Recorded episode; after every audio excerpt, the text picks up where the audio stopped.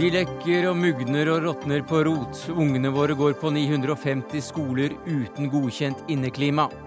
Siste dragkamp om potten på 1000 milliarder blanke kroner arrangeres i dag. Budsjettkonferanser er ikke for nybegynnere, sier tidligere statsråder. Er ikke du heller invitert på hagefesten til Aschhaug? Dagsnytt 18 følger med gjestene på gresset og treffer nybakt vinner av litteraturprisen. Og det er lysglimt i Somalia. Landet har fått ny nasjonalforsamling, ledet av en trønder.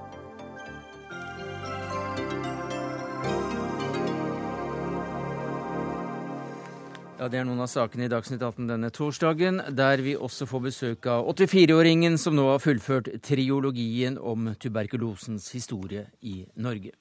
Men vi begynner med meldingen om at en mann som eh, vitnet i forsvinningen av Sigrid Giske Gjerde Skjetne, er siktet for falsk forklaring. I dag, han, eh, I dag ble det kjent at mannen er tidligere dømt for overfallsvoldtekt. Og reporter Ole Døvik, hva har politiet sagt i dag? Nei, De har ikke egentlig sagt eh, noen ting. Det har vært eh, forholdsvis eh, stille, bortsett fra denne pressemeldingen som kom da litt før klokka halv ti, hvor de bekrefta den nyheten som slapp ut i går, om at det er en mann da, som er sikta for å ha forklart seg falskt. Og de skriver ikke så fryktelig mye om hva det er han har forklart som er ettertid politiet ser er galt heller i denne pressemeldingen. Og det er jo sånn at uh, forventer jo snart at politiet kan si noe mer om uh, hva, hva, dette går i. Ja, Advokaten til den siktede mener at dette er en såkalt skinnsiktelse. skinnesiktelse. Hva mener han med det?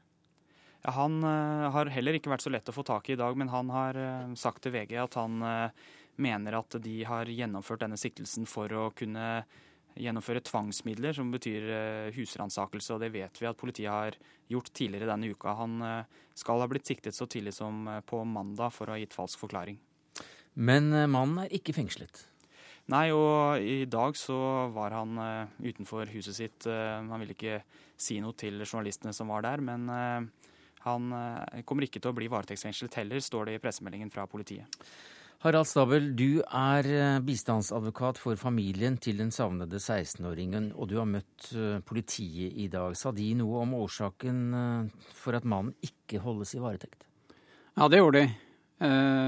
De mente at det ikke var rettslig grunnlag for varetekt, fordi det ikke var bevisforspillelsesfare. Hva betyr det rent generelt? Det betyr at de ikke mener at det er fare for at bevis skal bli forspilt ved at personen ikke blir fengslet. Hvordan anses da muligheten for at dette faktisk også er gjerningsmannen, ut fra de opplysningene man nå vet? Jeg og foreldrene vet eh, mer enn det dere i mediene vet, og, slik må det være i en eh, sak som, som, denne.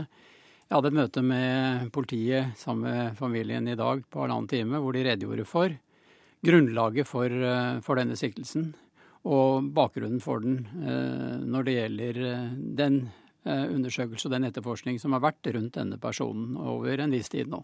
Men mer kan ikke du si om uh, møtet med politiet? Mer kan jeg ikke si. Det er politiet som får redegjøre for uh, det de ønsker å redegjøre for når det gjelder etterforskningen. Jeg kan ikke gå ut med de opplysningene de har gitt oss. Men hvordan reagerer familien på de opplysningene som da tross alt er kommet fram i dag? Nei, De håper jo på at denne siktelsen og dens grunnlag kan være et skritt i riktig retning mot en løsning av denne forsvinningsgåten. Men de vet jo ikke, eh, og det gjør heller ikke politiet. Denne personen er ikke verken siktet eller mistenkt i forsvinningssaken. Der har politiet per i dag ingen mistenkte. Men familien er fornøyd, og de eh, fornøyd og fornøyd i en veldig vanskelig tid så er dette en liten eh, oppmuntring når det gjelder politiets arbeid. De mener at dette viser hvor grundig de etterforsker, og med hvilken vilje og med hvilke ressurser. Og det eh, gjør dem trygg, i hvert fall tryggere på at eh, dette kan ende godt. Men allikevel så er det kommet fram i dag at flere mener politiet ikke har sjekket forklaringen til mannen grundigere. Uh, Altså at de syns det er rart at ikke mannen er sjekket grundigere eh, før nå. Eh, Har du noen kommentarer til det? Nei, det kan jeg ikke kommentere. Dette har politiet redegjort for, eh, hvordan denne siktelsen etter hvert er bygget opp. Og på hvilken bakgrunn og ut fra hvilke forklaringer som er gitt og øvrige bevis. Men jeg kan da av naturlige årsaker ikke gå ut og si noe om det. Takk skal du ha, Harald Stabel, bistandsadvokat for familien, og til deg, reporter Olav Døvik.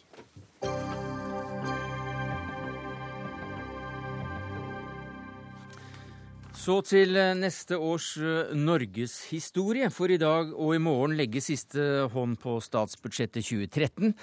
Men eh, det meste av billionen er vel allerede fordelt, finansminister Sigbjørn Johnsen? Riktig det at det ligger jo mye i bunnen i et statsbudsjett. Så det vi diskuterer nå i en to-tre dager, er jo det vi kaller kremen på kaka. Profilpott. og Eh, og det som skal eh, komme i tillegg til alt det andre som ligger der fra før. Ja, hva er en profilpott?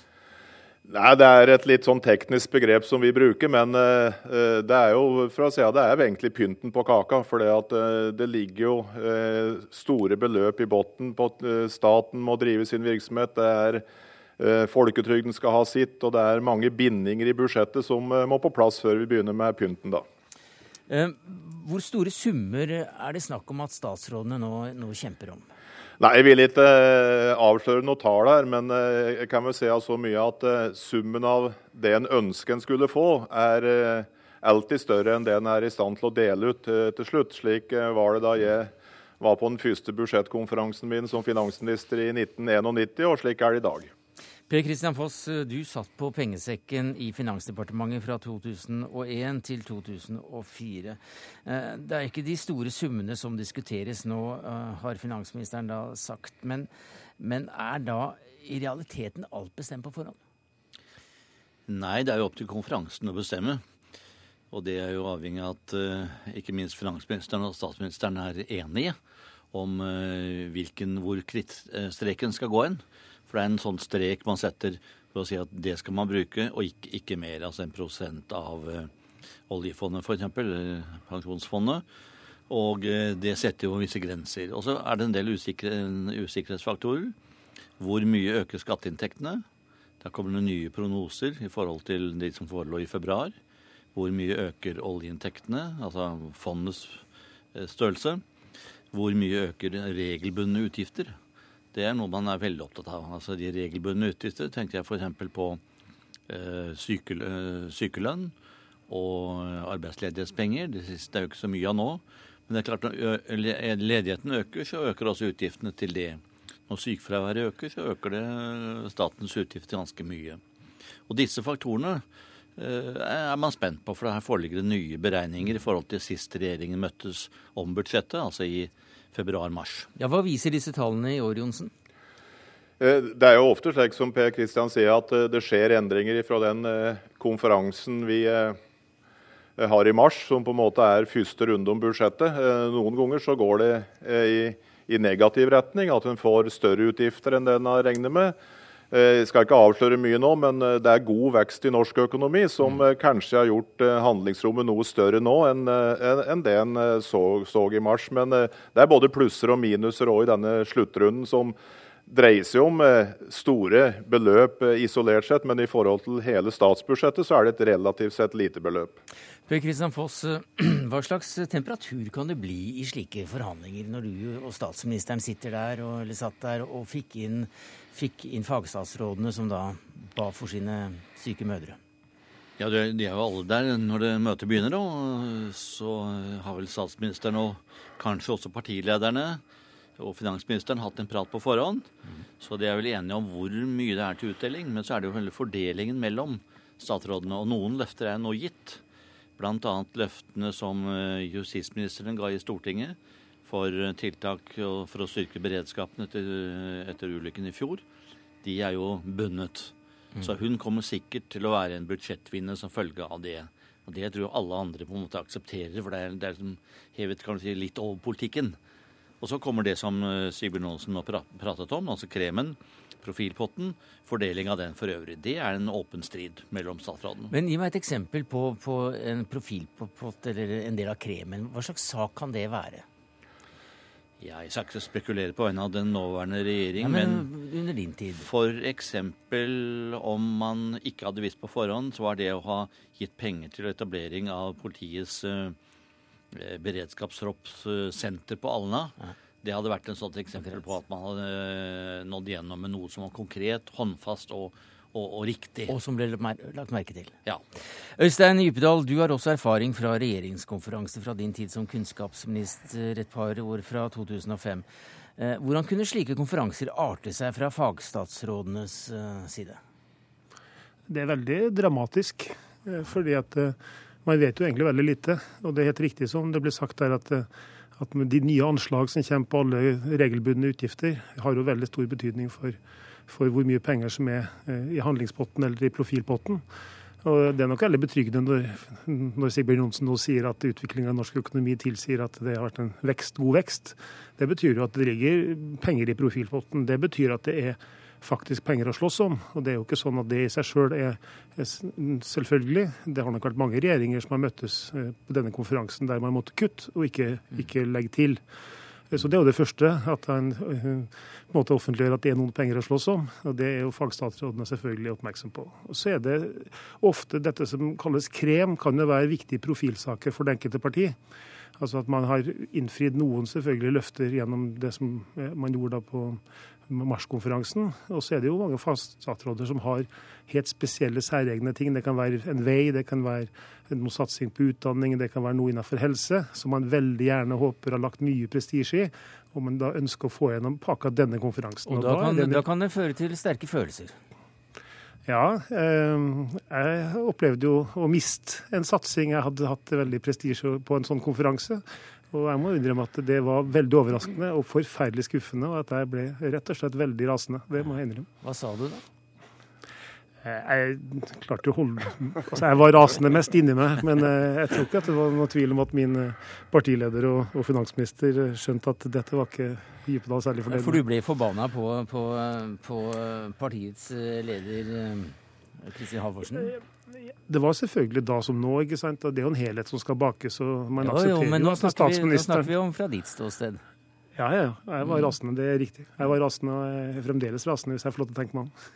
Nå hadde jeg kanskje nesten glemt det, men, men, men det er så mange år tilbake. Men derfor Men, kan jeg vel smile du, litt men du, hvilken sak var det? Nei, Det var en satsing på utdanning som jeg hadde lagt mye i, og som regjeringa hadde markert veldig sterkt gjennom Soria Moria. Og Den gangen så hadde vi jo akkurat forhandla ferdig Soria Moria. Vi hadde jo ikke mer enn nesten vært ferdig med Soria Moria, så overtok vi budsjettet til den, eh, den, den regjeringa Per Kristian satt i. Og, skulle endre det. Så det var på den endringskonferansen dette skjedde. Altså, det og tilsvarende den konferansen som de nå har. Ja, det, er, det, er, det er harde tak, Foss. Ja, det er, det er blodig i overført betydning. Jeg har også hørt eh, skjellsord fra partikolleger og fra statsrådskolleger. Og ja, det er utrolig hvilke, sterke ord selv KrF-statsråder vil jeg si, kan finne på om det er nødvendig. Og få høre. Nei, jeg tror ikke jeg skal gjenta noen ting. Vi skal inn i samarbeide snart igjen. Ja, det var det. Eh, Sigbjørn Johnsen, eh, hvilke statsråder er det du får ekstra fine julepresanger fra i år? Nei, det fungerer nok ikke på den måten. Eh, Det er klart det blir holdt eh, veldig sterke og gode innlegg for mange gode forslag, men eh, en vet jo at eh, det er ikke mulig å eh, gi uttelling på alt. Så noe av, noe av det viktige nå er jo at denne regjeringa har tre partier, og det er å finne den gode balansen mellom eh, saker som partiet er opptatt av, og helheten for regjeringa. Eh, jeg kunne jo fortelle jo mange historier fra regjeringskonferanse, men jeg, eh, kan fortelle ei, og det var etter at han hadde gått runden rundt bordet, så utbrøt uh, Mats Sandman at uh, statsminister, nå er det jo flertall mot finansministeren. og da uh, svarer Gro rolig og, og ser på Mats og svarer rolig og behersket at det fungerer ikke slik her, Mats. Så langt kom vi i denne forpostvekningen om altså hva som skjer akkurat disse dagene når siste hånd legges på fordelingen av én billion kroner. Dere får ha lykke til. Er dere i rute der nede hos eh, statsministeren? Ja da, det, vi er i god rute. Så vi det blir statsbudsjett for 2013 nå. Resultatet kommer i oktober. Takk skal eh, du ha, Sigbjørn Johnsen, Per Kristian Foss og Øystein Djupedal. Ja, Irene Halvorsen, du er eh, samfunnsredaktør i Dagsavisen, og vi hører altså da at det meste er, er gjort i forhold til, denne, til disse tusen milliardene. Men hva er det egentlig som står på spill for dem enkelte statsrådene? Det står jo mye på spill. Eh, det gjør det alltid når man eh, jobber med et statsbudsjett. Men året før et eh, valgår og budsjettet som man skal ha med seg inn i valgkampen, det er spesielt viktig. Ja, for her har jo også Sigbjørn Johnsen klart signalisert at 4 %-regelen, altså 4% handlingsregelen osv. skal i hvert fall ikke brytes. Vi skal godt nedenfor den. Hvorfor i all verden øser ikke regjeringen ut både bøtter av gull og lover gull og, og masse grønne skoger i et valgår? Nei, de kan ikke det. Eh, fordi at særlig for Arbeiderpartiet så er det sånn at eh, en veldig vesentlig del av deres identitet, det de går til valg på, er å være styringsdyktig. Den har fått seg en betydelig skrape gjennom 22. juli-kommisjonens rapport. Da må, de, da må de i hvert fall vise at de kan styre økonomien. Eh, hvis de i tillegg skulle få en eh, påstand mot seg om at eh, de setter det på styr, vel da er det ikke så mye igjen av trygg styring som er Arbeiderpartiets fremste slagord. Men, det, men de kan ikke bare holde igjen heller. Mm. Um, fordi um, ja, leder av finanskomiteen, Torgeir Micaelsen eh, fra Arbeiderpartiet, sa til Dagsavisen i dag at eh, man, taper, man vinner ikke et valg på et budsjett, men man kan tape et. Og jeg tror at det er ganske dekkende. Um, fordi du trenger også å vise hva du vil med denne makten. Du skal jo ikke bare vinne den makten, men du skal jo ville noe med den. da. Hva vil du med landet? Hva vil du med velferden? Hva vil du med liksom, livene våre? Uh, og det må de vise med dette budsjettet. Men man kan altså ikke vinne et valg eh, gjennom et budsjett? Er det ikke akkurat gjennom budsjetter at man, eh, at man gir folket det folket vil ha? Nei, eh, føler du at du får det du vil ha gjennom det budsjettet? Du, I hvor stor grad tror du at uh, dette budsjettet vil bli preget av 22. juli? Det vil bli preget av 22. juli på mange måter. Ja, vi hørte jo Frp bare for å avbryte deg litt, vi hørte jo Frp si at, at det ikke er rom for noen ting i det hele tatt av, av, av krem. Eh, fordi alle pengene må nesten gå til tiltak rundt 22. juli. Ja, det tror ikke jeg er riktig, men det er klart at hvis Frp hadde vært i regjering, så hadde det kanskje vært sånn. Mm. Eh, det er jo en forskjell mellom de politiske partiene hvorvidt man vil ha løft knyttet til velferden, eller man vil ha løft bare i gåsetegn knyttet til sikkerheten. Det er jo en vesentlig politisk forskjell. Så Sånn sett så syns jeg jo at Frp tydeliggjør hva de ville ha gjort da, i regjering, og det er eh, jo veldig greit. Dere skriver i dag at for eh, SV og Senterpartiet så er dette ekstra viktig. Og det er ekstra viktig å kunne vise fram klare seire nå. Kommer de til å få det gjennom eh, dette budsjettet? Ja, Det er jeg veldig usikker på. Jeg tror nok at Senterpartiet vil det rett og slett fordi Senterpartiet er flinke til å forhandle. Mm. Eh, om SV klarer det, det er jeg usikker på, fordi de er, står veldig svakt nå. Eh, men eh, hvis Jens er klok, så sørger han for at alle partene nå får noe. Fordi han, blir ikke han får ikke gjenvalg han som statsminister hvis ikke de to små også får det til. Takk skal du ha, Irene Halvorsen, samfunnsredaktør i Dagsavisen. Hør Dagsnytt 18 når du vil, på nettradio eller som podkast. nrk.no – dagsnytt 18.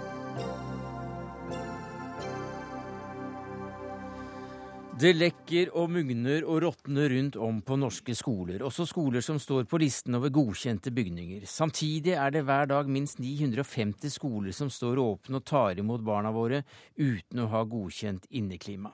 Leder for Foreldreutvalget for grunnskolen, Kristoffer Beckham, du representerer foreldrene i denne sammenhengen. Eh, hva slags reaksjoner får du på dagens situasjon? Foreldre er veldig fortvilet over det som skjer ute i skolen i dag. Det er klart at, eh, Og de er fortvilet fordi at det viktigste de har, nemlig barna deres, de går, i disse, de går i disse skolene som er så dårlige. Og Det vi får stadig tilbakemeldinger på, er hvorfor skjer ikke noe? Hvorfor tar ikke politikerne ansvar for akkurat dette? Og Det er jo det på en måte vi prøver å si til, uh, ut til foreldre og, og, og medier, det er det at dette er et kommunalt ansvar. Dette er lokalpolitikernes ansvar. Og de må altså vedlikeholde, og de må ikke bare bygge ett praktbygg eller flere. For eh, hvis disse barna som går i skolen, det er de som skal bygge fremtidens samfunn. Og er de så viktige, så må de òg ha gode lokaler i tillegg til dyktige lærere i skolen. Så jeg har fått med meg at du slettes ikke er imponert over ordningen med at kommunene selv godkjenner sine egne skolebygg. Hvorfor ikke? Nei, det er altså skoleeierne som godkjenner sine egne bygg. Og vi er litt opptatt av at Arbeidstilsynet, kanskje Utdanningsdirektoratet eller kanskje Kunnskapsdepartementet skulle stått for godkjenningen av disse skolene. Det blir litt sånn bukken til havresekken eh, i forhold til dette. Og mm. eh, da hadde kanskje kommunepolitikerne blitt presset til å gjøre vedlikeholdet eh, mye hardere. Sigrun Vågeng, eh, som administrerende direktør i kommunesektorens interesse- og arbeidsgiverforeningen, eller KS for de spesielt interesserte, så representerer vel du bukken her, da. Eh, grunnskolen er kommunenes ansvar. Tilstanden eh, bl.a. NRK Brennpunkt har avdekket vitner om en forsømmelse over lang tid. Hvordan kommenterer du dette? At dette ikke er noe nytt for kommunesektoren, og at ikke er Brennpunkt som sådan som avslører det. Det er en kjempeviktig sak å ta opp, men allerede i 2008 så skaffet vi oss en oversikt over dette vedlikeholdsetterslepet. Og det er stort. Etter 2008 så har kommunale politikere brukt 20% av investeringsbudsjettet for å gjøre noe med det. 10 milliarder hvert eneste år. Av de fire milliardene som daværende finansminister Kristin Halvorsen ga i krisepakke, ble 37% brukt av kommunene til skolebygg. Så jeg vil liksom gå litt i rette med Kristoffer Backham når du snakker om at kommunene ikke gjør noen ting. At ikke de tar et ansvar, at de lar det skure og gå. Det gjøres noen ting, eh, men det tar tid mm. fordi det er et stort vedlikeholdsetterslep. Altså, Jeg har lyst til å berømme KS for den rapporten i 2008. De gjorde en god jobb der. Men det er faktisk sånn at uh, i Bergen, som jeg kjenner, der busses 2500 barn rundt fordi at det er så dårlige skolebygg. Jeg fikk telefon fra en KFU-leder nå i en annen kommune som vurderer å politianmelde kommunen fordi at skolen i kommunen er så dårlig. Og da kan gjerne jeg få beskjed om at det er blitt gjort noe, men jeg er opptatt, og foreldre er opptatt, mm. at deres barn skal ha gode forhold. Men er det riktig at, at det er kommunene som skal godkjenne skoler når det er kommunene som bygger dem og driver dem? Ja, men kommunene gjør jo dette naturligvis på lik linje med alle sammen med Arbeidstilsynet, som er inne og ser at det er Jo, men allikevel? Jo, men det, ikke, det er jo ingen som forsøker å lure noen her. Dette er jo tall som ligger ute, og man gjør det på en måte som Alt ligger offentlig. Så bildeboken og havresekken er nei, ikke særlig bra? Nei, jeg syns det blir et feil bilde. Fordi det er skolene som eier dette. Og de må naturligvis også kunne stå for både de som eier skolen, lokalpolitikerne som tar disse beslutningene. De må tåle innsyn og alt som er. Men vi må liksom ikke fremstille dette som om Én, at det ikke gjøres noe. Og to, at noen forsøker å lure noen. Det er helt feil. Eskil Pedersen, som leder av um, AUF, så har du engasjert deg i disse spørsmålene. Og du etterlyser at det settes makt bak kravene. Hva mener du med det? Altså Det er veldig viktig at vi får disse tallene på bordet, og det er veldig dramatisk. Vi skal på ingen måte underdrive det. Og det har vært sånn i altfor lang tid, over veldig mange år.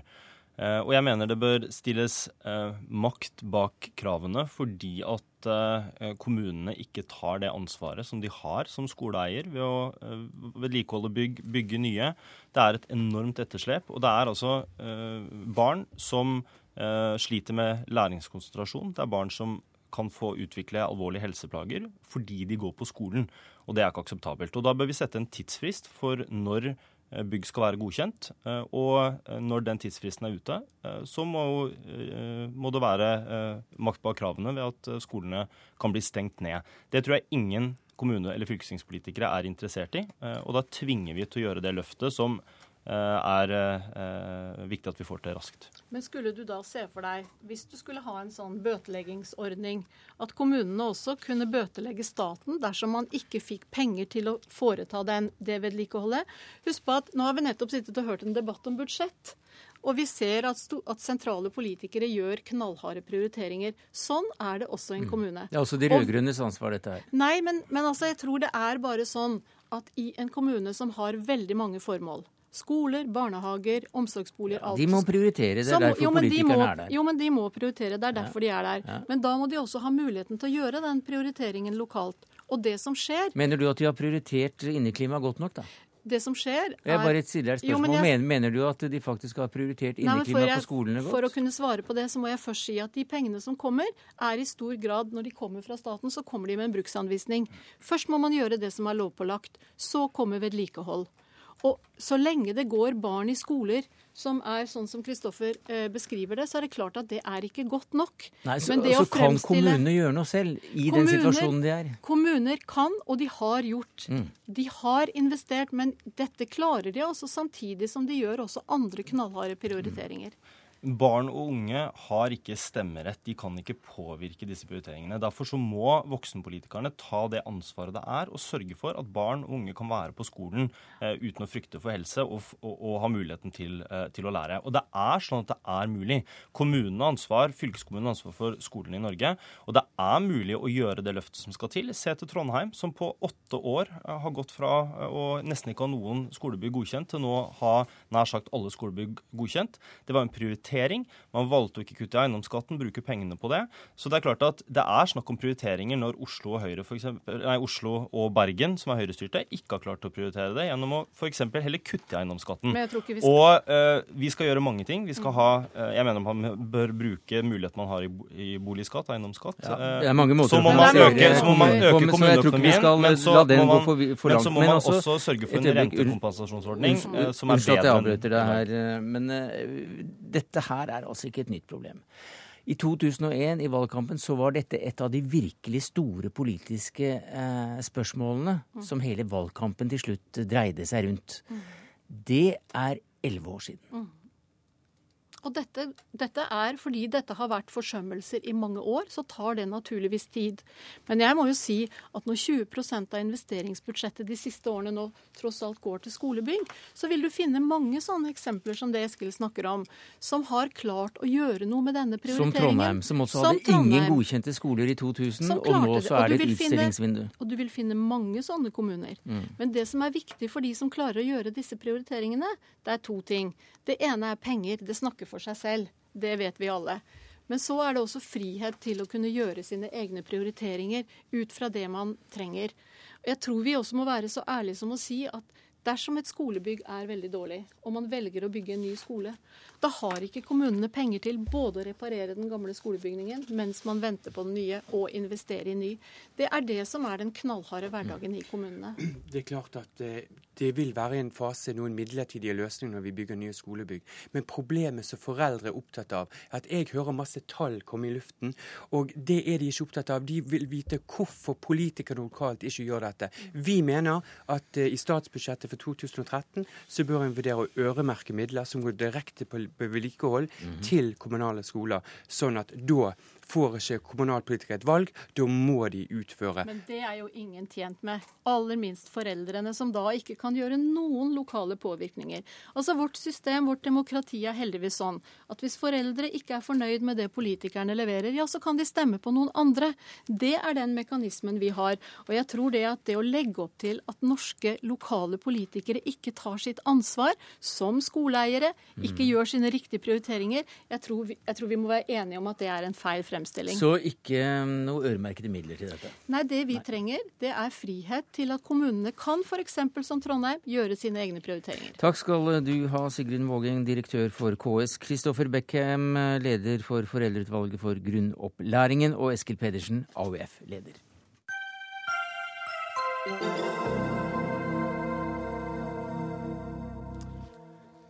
Hvis vi ser bort fra alle barnebursdagene og Stordalen-festene, så er det vel da et eh, par, tre, fire invitasjoner som det er ganske stas å få for folk i farta. Årsmiddagen til eh, Norges Bank, Fafo-festen skal ikke være så verst, NHO-middagen, Nobel selvfølgelig. Og så da hagefesten til Aschhaug, der Unni Lindell og Anne B. Ragde, Anne B. Ragde har klatret i trærne med champagneglass. Kristine Koht danset på bordet og Blomsterfinn stadig begeistres over det som skjer i buskene. Mats Nygaard, som forlagssjef så um, har ikke du bare arvet uh, en rekke forfatterskap og pleie, men også den årlige plikten til å reise deg opp fra godstolen på balkongen i den store Aschehougvillaen i Drammensveien i Oslo og skildre for Dagsnytt 18s lyttere hva det er du ser. Og hvor vil du begynne i år? Ja, det er, en, uh, det er en glede, ikke en plikt, vil jeg si. Um, nei, vi, vi, først vil jeg jo starte med været. Det er uh, det er eh, nesten utrolig at vi på tross av regnværet i Oslo i dag morges nå eh, har solskinn over hagen på Drammensveien. Men her fra balkongen kan jeg se utover et stort folkehav med forfattere, politikere, journalister og andre samfunnspersoner i hopetall. Er det noen spesielle personer som har gjort seg bemerket dette året? Her er alle særlig velkommen. og hvis det er en av de mange historiene om Askøys hagefest er ute etter, så er det slik at det som skjer på hagefesten, det blir på hagefesten. Oh, ja. Det var en viss spenning om, om, du ville føre denne tradisjonen videre da du overtok skuta for et par-tre år siden. Hvorfor ville du det? Det er riktig at det var en viss spenning. Jeg må si at jeg var overrasket over hvor mange spørsmål jeg fikk om hvorvidt jeg skulle videreføre festen, og, ikke om litteratur, da jeg tok jobben i Aschehoug. Men nei, Aschehougs hagefest er en, en, veldig viktig markering av Aschehougs forfattere. Vi, vi hedrer forfatterne våre på denne måten. og det skjer en ramme hvor mange mennesker kommer sammen og treffer mange andre spennende personer på en måte de ikke gjør så ofte ellers i år. Ja, har dere hatt noen spesielt eller gjester av en spesiell kaliber, eller noen på en annen måte som du vil trekke fram? Du har jo hatt mye finfolk fra utlandet der også i sin tid? Ja, det har vært, det har vært mange ting som har skjedd i Hagen, og, og faktisk ting av, av, av, politisk betydning. Salman Rushdie i sin tid møtte norske politikere her for, for første gang i, i, sin tid, eksempelvis. Eh, og, og, og, det tiltrekker seg faktisk gjester hvert eneste år fra utlandet også. Vi har, vi har rikt besøk fra, fra, hele Norden her på festen. Men du, altså vi i Dagsnytt 18 vi har jo hatt en slik samtale med et par generasjoner nygårder i snart 20 år, tror jeg. Men verken du eller faren din rapporterte om den minste skandale. Det måtte vi lese i tabloidene dagen etter. Er omfanget av eksesser kraftig overdrevet, eller er det dere som ikke har øye for den slags, eller er dere ikke helt troverdige som øyevitner? Nei, jeg, jeg vet jammen ikke hva jeg skal svare på det. Jeg tror, jeg tror at som sagt, det, er mange myter og mange historier. Og, og, noen er sanne? Og noen er nok klart sanne, men, men det som sagt, det blir blant gjestene. Egentlig så er jo dette vi nå har snakket om bare en innledning for kveldens store hendelse, nemlig utdelingen av Aschehoug-prisen, som henger høyt, og som ikke er bundet opp til noe forlag. I år gikk den til Henrik Hovland. Det ble klart for en Nei, det gjorde den ikke. Ragnar Hovland, unnskyld. unnskyld. Det, var, det, det, er en mann med et enormt forfatterskap bak seg. Ikke en Aschhaug-mann. Han har utgitt bøker på nesten alt som er av norske forlegg, bortsett fra Aschhaug. Hva synes du om det valget? Det syns jeg var et, et, veldig godt valg. Hovland representerer en en rik eh, litteratur, og et, han har et fantastisk forfatterskap bak seg. Så han var en meget meget verdig vinner av, av Aschehoug-prisen i år. For en drøy time siden så fikk du altså prisen. Mye ære og 100 000 kroner. Ragnar Hovland, gratulerer med, med prisen. Jo, tusen takk. Etter nesten 40 bøker, hvorav flesteparten har fått Ja, mer enn 40 bøker. Mer enn 40? Ja, 40 bøker er ingenting skal forandre min research fra Wikipedia over til Store norske her. Men etter mer enn 40 bøker, ja. og hvorav fleste da har fått uh, kraftig åtgaum, det kan du ikke ta meg på, så er det vel bare nobelprisen du manglet før denne. Hvor, hvor vil du plassere Aschehoug-prisen? Aschehoug-prisen er jo den mest uh, prestisjetunge nasjonale prisen, så det er jo en veldig stor ære å få den. Så jeg er veldig glad og fornøyd i det. Litteraturkritiker her i NRK, Knut Hoem. Du sitter i arbeidsutvalget til Norsk Kritikerlag. Du var med i juryen, og det var du som leste opp begrunnelsen for at Ragnar Hovland fikk prisen. Hva var hovedbegrunnelsen? Jeg tror at uh, hovedbegrunnelsen handler om at uh, Ragnar Hovland skriver med en uh, letthet som er undervurdert. som jeg sa i talen min, så kan det iblant være, finnes tungtveiende grunner for å ta lett på det. Det gjelder i livet som i litteraturen. Og det er denne lettheten, denne gleden over de meningsløse samtalene som foregår på Aschehougs hagefest og på Vestlandet og i New York og hvor det skulle være. Men der er nettopp disse små, ubetydelige samtalene allikevel kanskje er livets grunnleggende mening. Og vi følger jo alltid Ragnar Hovlands figurer på en eller annen reise.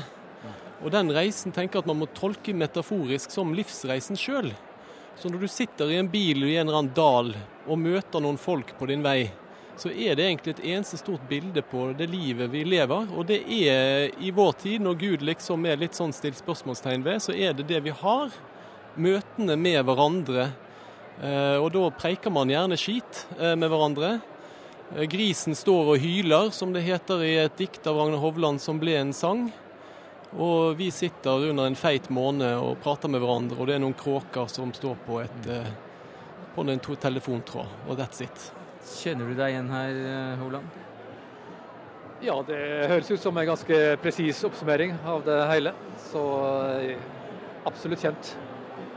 Men uh, Hovlandsentusiaster har jo hatt glede av, uh, av alle sjangere uh, signert deg. Essays, uh, noveller, sakprosa, dikt, barnebøker, krim, drama, romaner. hva er det som er morsomst å drive med? Nei, det har jo alltid alt skrevet mest romaner, så det er det jeg liker best. Men også helt korte prosatekster. Så det, lang, det, lange og det helt korte, det er vel det som jeg har landa på. Er det romanene som juryen har um, festet seg med? Ja, vi kan jo begynne med den store kultklassikeren 'Sveve over vatna' fra 1982. Jeg leste den som 17-18-åring og i mine formative år, og så leste den om igjen nå, og det slår meg hvor nyskapende, nyskapende den er. Den består av masse korte kapitler, der hvert eneste kapittel egentlig er en avsluttet fortelling.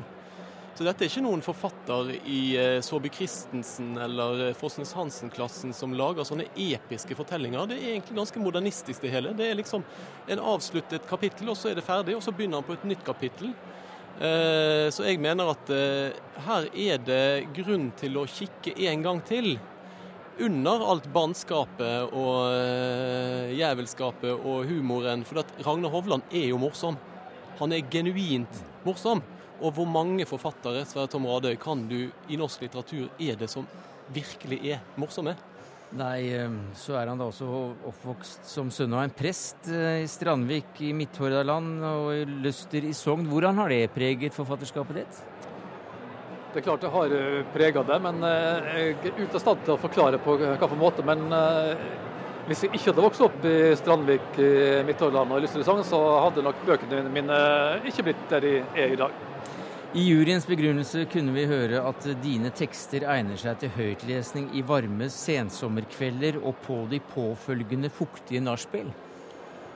Ja, det har jeg eh, selvfølgelig ingen kommentar til. du er på eh, en forholdsvis varm etter eh, sensommerkveld, og så får vi se på det fuktige nachspielet. Men hva mente dere med det? Hålen? Nei, det er rett og slett sånn at setningene har et poetisk eh, element i seg. Eh, ellers så er det også viktig å påpeke, som vi også sa, at eh, selv om ofte, disse romanene ofte utspiller seg på Vestlandet, så er dette mer eh, klisjeen om Vestlandet. Det er parodien på Vestlandet. Det er egentlig mer et litterært landskap enn det er et vestlandslandskap. Og så er det etter mitt syn et eh, landskap som egentlig snakker like mye med store, men rare utenlandske forfattere som eh, Hovland er glad i, som eh, Richard Brautigan og C.S. Lewis og Mark Twain. og Alt dette syns jeg er underkommunisert. Det er snakket for lite om det, og derfor så er jo jeg veldig glad i dag, da. 100 000 kroner, Hovland. Blir det nye instrumenter? Du er musiker også, eller legger du ut på nye reiser? Du er jo glad i utlandet.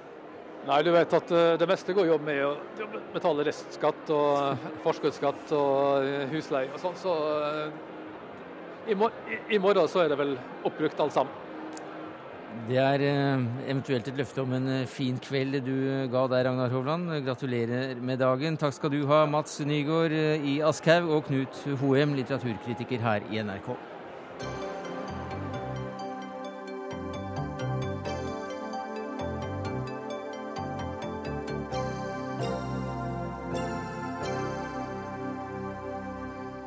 Det går bedre i Somalia, faktisk. Helt siden i våres har det kommet meldinger om en positiv utvikling i dette sønderrevne området, som er betegnet som et av verdens mest mislykkede land. En ny nasjonalforsamling er på plass. Formann, eller spikeren, i den nye nasjonalforsamlingen heter Mohammed Osman Javari, og Tom Christiansen, tidligere Afrikakorrespondent for NRK. Hvem er denne viktige personen for Somalias framtid? Han er en slags trønder. Snakker norsk, snakker trøndersk. Har vært flyktning i Trondheim i mange, mange år. Han eh, var opprinnelig minister for Siad Barre, som ble styrtet tidlig på 90-tallet. Han måtte rømme og endte opp i Norge. Der har han sittet i konfliktrådet, han har vært eh, lærer på videregående og i ungdomsskolen, skrevet skolebøker på norsk og har også deltatt i religionssamarbeid mellom kristne og muslimer. Og den typen erfaringer tror jeg han kommer til å få bruk for når han skal forene muslimer i eh, Somalia. Ja, Finn Vagle, du, eh, er, eh, du har fartstid som biskop i Nidaros. Og du jobbet også sammen da med Javari i Trondheim i Samtaleforum for interreligiøs dialog mellom kristne og muslimer. Hva har du å si om ham? Nei, han er jo et veldig spennende menneske. Han, han er eh, absolutt rikt utrustet. Eh, og det at han på en måte greide å samle storparten av muslimene i Trondheim i den store moskeen The Muslim Society, med ulike etnisiteter og nasjonaliteter, er jo et uttrykk for den autoritet han har i kraft av sin egen person. Så, så det er veldig mye godt uh, å si om Javari. Og han kommer til å få bruk for alt dette i den utrolig krevende oppgaven han nå går inn i. Ja, Hva slags oppgave er det, Kristiansen? Ja, han skal jo være talsmann, ja, eller han skal være ordstyrer i stortingspresident, da. Tilsvarende det.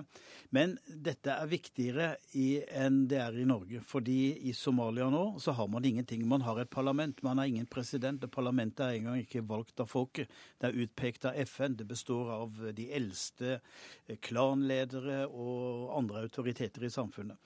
Han skal prøve å trekke dem sammen til noen felles eh, avgjørelser. Og det gjør ham til en nøkkelperson i tida fram til man får en eh, president. Og han må være samlende. Han kan ikke bare representere sin egen klan. Ehm, nå betyr det, når han er valgt, så betyr det at de fra hans egen klan ikke kan bli president. Så der er det en strid som på en måte er bilagt. Og så må han forsøke å få dem til å samarbeide, akkurat sånn som han fikk eh, mm. til i Trondheim. Men Mogadishu er nok litt verre enn eh, en Nidaros. Han er en fredensmann, eh, sier du, Vagle? Ja, det vil jeg absolutt si. Og han, han jeg vil si han var en, eh, og er en endelig mann. Han er absolutt et klokt menneske. En, en, jeg tror jeg vil kalle han for en vis person. Eh, og han har altså veldig stor autoritet, autoritet i kraft av sine personlige egenskaper. Han, jeg husker han for hans gode humør og for hans glimt i øyet. Det fulgte alltid en, en latter med Javari. Og han, han var ikke maktglad. Uh, han var lite opptatt av, av, å få oppmerksomhet omkring sin egen person, men var mer opptatt av de sakene han skulle arbeide for. Uh, og, og dette, alt dette tror jeg er, blir veldig viktige egenskaper i den utrolig krevende oppgaven han nå er satt til. Og det er jo også interessant at man velger en person av Javaris støpning nettopp til dette oppdraget. En munter mann i Mogadishu, det kan absolutt trengs. og Særlig når han har vett i, vett i sitt hode i tillegg, og den klokskapen. Fordi det er nå går han inn i et samfunn med all verdens konflikter. Den ene er al-Shibab, altså det Al Qaida-lignende regimet som er drevet ut av byen, og som holdes utenfor ved hjelp av EUs, nei, AUs styrker, Den afrikanske unions styrker. Så har du klanene som står mot hverandre, så har du militsene som står mot hverandre, og så har du altså alle disse ideologiske overtonene, pluss at du har soldater fra nabolandene som er inne. Det er altså et konglomerat av kryssende konflikter som han må rydde opp i. Men kanskje han også er klok nok til å finne ut hvordan han kan legge konflikter til side. Dette er også en, en god nyhet, ikke at det er en trønder eh, som, som, tar den stillingen, eller som er fartstid i Trøndelag. Men at en nasjonalforsamling, selv om den ikke er valgt av folket, tross alt da er på plass i, i Mogadishu. Det er vel dårlige arbeidsforhold? De holder vel til i en container på flyplassen, eller noe slikt? Ja, flyplassen var eh, jo det mest sikre sted man kunne finne. Det gamle parlamentet er, er skutt i stykker. Men Javari er jo ikke den eneste som snakker norsk, da. Det er jo to til som eh, har vært flyktninger i Norge, som nå sitter i dette parlamentet. Eh, og de skal også få sine posisjoner, og eh, så kan de ha noen små gruppemøter hvor de snakker trøndersk og andre norske dialekter borti et hjørne. Men det er kommet positive signaler eh, fra Somalia i en tid, og da får vi si forholdsvis positive signaler i forhold til, til den elendigheten som vi er vant til å høre derfra.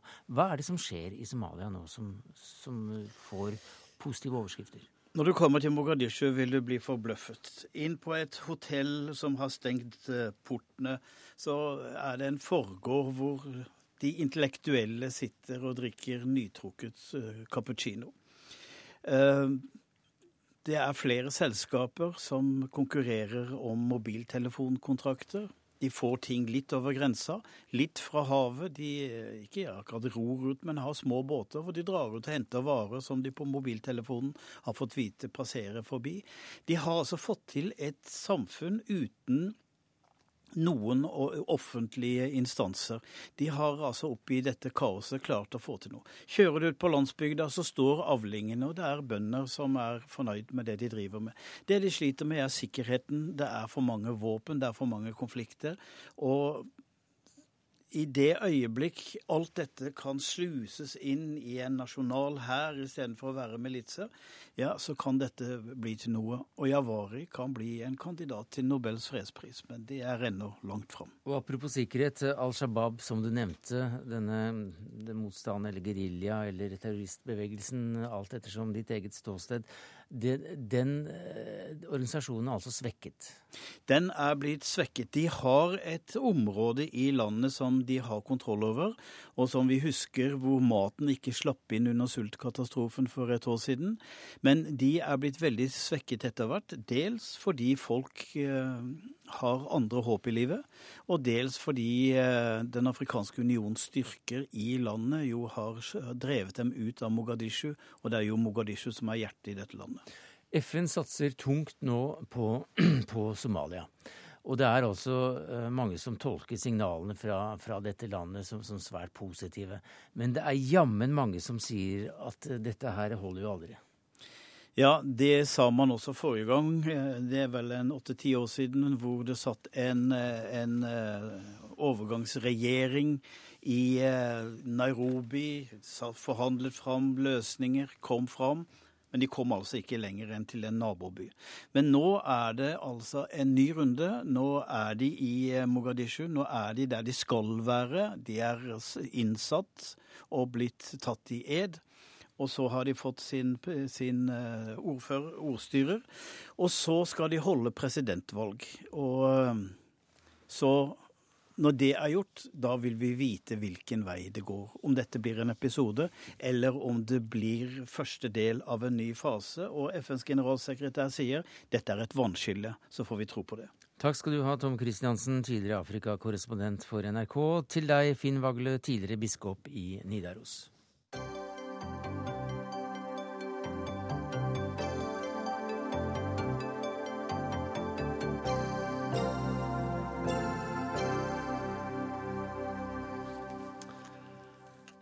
Ordet tæring, Dag Skogheim, hvordan reagerer du på, på, bare ordet? Ja, jeg blir forstemt. Jeg vil nok si det. Fordi det ordet ble ikke brukt, altså. Det var så vidt avskrekkende eh, at en unngikk det. Vi tuberkuløse brukte det aldri. Men at det er et presist uttrykk for tuberkulose, for tuberkulose. Det er helt sikkert. Det er folkelig, men det er helt presist. For det er snakk om en tæringsprosess. Kan du komme litt nærmere mikrofonen, så, så, vi hører deg enda bedre? Du fikk altså selv tuberkulose som 14-åring. Og i dag, eh, 70 år senere, har du fullført triologien om tuberkulose i Norge. Hva vil du si med disse bøkene? Den siste heter 'Blod på hvit rose'. Det, det er min beretning om sykdommen. Mm. Eh, og jeg mener jo uten å sjenere meg å si at gjennom godt og vel elleve år så vet jeg det meste om det, altså. Nå tenker jeg ikke medisinsk, men jeg vet det meste om det. Eh, og min ære, for å si det slik, den er fra 1943 til 1954. Og det er en veldig ære, for så vidt som da bryter de nye tuberkulosemedisinene gjennom og skaper et helt nytt regime, simpelthen. Men jeg kommer før dette skjer. Slik er jeg er i brytningen mellom dette. Eh, og eh, historien er så svær, den er så dramatisk, at eh, jeg er glad for at jeg har brukt så vidt mange år, nærmere 25 år, på å samle materiale omkring dette. For det er, etter min mening, virkelig en historie som de fleste burde kjenne litt mer til. Hva slags historie er det? Det er en historie om titusener av mennesker som dør, og som simpelthen ikke etterlater, etterlater, etterlater seg noe spor. Fordi sykdommen var tabuert. Snakket ikke om den. Ikke snakk om det. Glem det. Ikke snakk om um, Og um, når jeg når jeg nå tenker tilbake på alle de jeg møtte, og det er klart, det er ikke tusener, men det er mange hundre, så tenker jeg at du verden. For et for, en, en, for et forferdelig tap for en nasjon også. Fordi de aller fleste her, de var mellom 15 og 35 år. Det forunderlige med tuberkulose det var nettopp dette at det var i de unge årgangene. Og jeg var jo 14 år da jeg fikk denne sykdommen. Ja, altså Det er de, de unge årgangene som, som, som, som, fikk det, og som døde. Du går jo lenger i eh, dine personlige opplevelser i denne boka her enn du gjorde faktisk også i den første boka i triologien, selv om den, eh, hadde, eh, selv om den også het en personlig bekjennelse. Var det ja. det? Ja. Tenner datt ut, du kunne ikke stå på bena på lang tid, du ble stelt som et barn i senga, og ikke minst dette med isolasjonen. Hva betydde isolasjonen for et ungt menneske? Det kunne vært helt ødeleggende. Bare tilfeldighetene gjorde at jeg, jeg holdt på å si, ikke ble ødelagt ved det, men det kunne skjedd. Det kunne skjedd. Eh, det hadde seg nemlig slik at ikke rent få ble gående med smitte. Altså, de ble, de, ble, de ble, ikke kvitt smitten. Og de ble gående og gående på tuberkuloseinstitusjonene. Jeg vet om de som hadde vært der i over 20 år. Eh, og det er klart, en sånn sørgelig tilstand, så vidt dårlig som det var på den tid, uten erkjennelse av hva man skal gjøre når mennesker blir gående i isolasjon, så ble de individuelt, altså de ble de ble totalt individualisert. Altså, de ble ødelagt sosialt sett. Hvis du, blar opp, hvis du blar opp på side 93, Skogheim, og finner fram eh, lesebrillene, eller de har det vel på deg, så, så, er det en skildring fra da du var eh, sengeliggende og svært syk, og en tidligere så storvokst, vakker anleggsarbeider kom inn eh, hver gang han ikke hadde mer snus, og smilte, helt til dere ba om en dans. En av kronikerne en dans. Den gamle en gang stolte mannen snurret sakte rundt mens han prøvde å synge en vise. Det var ikke mer. Vi visste hvorfor han kom. Vi betalte 25 øre hver. I alt 1 krone og 50 øre fra seks mann. Hver gang var dette en nedverdigende scene. Jeg tror ingen lå, men det syntes som om det for den gamle jernbanearbeideren var en rituell øvelse. Jeg reagerte, for det var både motbydelig og samtidig truende. I aller verste fall kunne vi også bli slik. Bli en kroniker som forvitret som menneske år for år, mens tæringen sakte grasserte i lungene og reduserte oss mer og mer til livets laveste stadier. I et slikt miljø blir alt preget av de enkleste krav. Mat og prat om mat. Om hva det blir til middag, og hva det kan bli i morgen. Du er syk. Du er mer og mer kraftløs. Febril. Døser. Døser. Og allikevel så skriver det anmelderne om at dette også er en sanselig bok, eh, bok om, om, at erotikken du, eh, du, videreformidler, har farger og duft. Ja, for det er klart at oppi all, all elendighet eh, så lever jo det erotiske. Hvis ikke så, så var det jo ikke mennesker. Og jeg jeg vil gjerne at også erotikken skal være med oppi all denne elendigheten. Det skulle bare mangle. Boka har fått til dels gnistrende kritikker, engasjerende, en dannelsesfortelling etc., etc.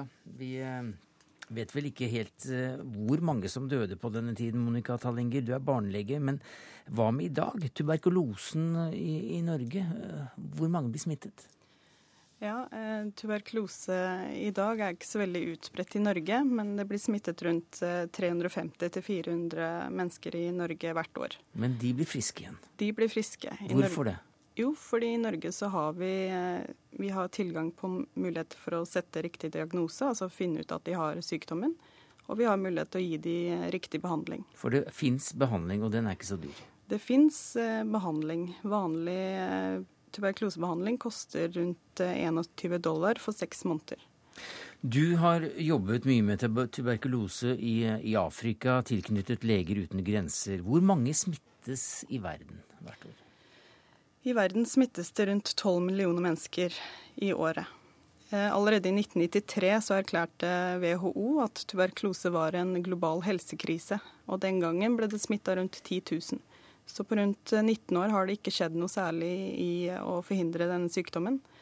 Og det dør da ca. 1,5 million i året av sykdommen rundt omkring i verden. Og det har fått Leger uten grenser å sette den sykdommen opp som, som, en av de glemte sykdommer. Eh, hvorfor skjer det ingenting innenfor tuberkuloseforskningen eller eh, fordi det rett og slett ikke er eh, lønnsomt for de som skal utvikle medisiner, og de som utvikler og forsker på dette her.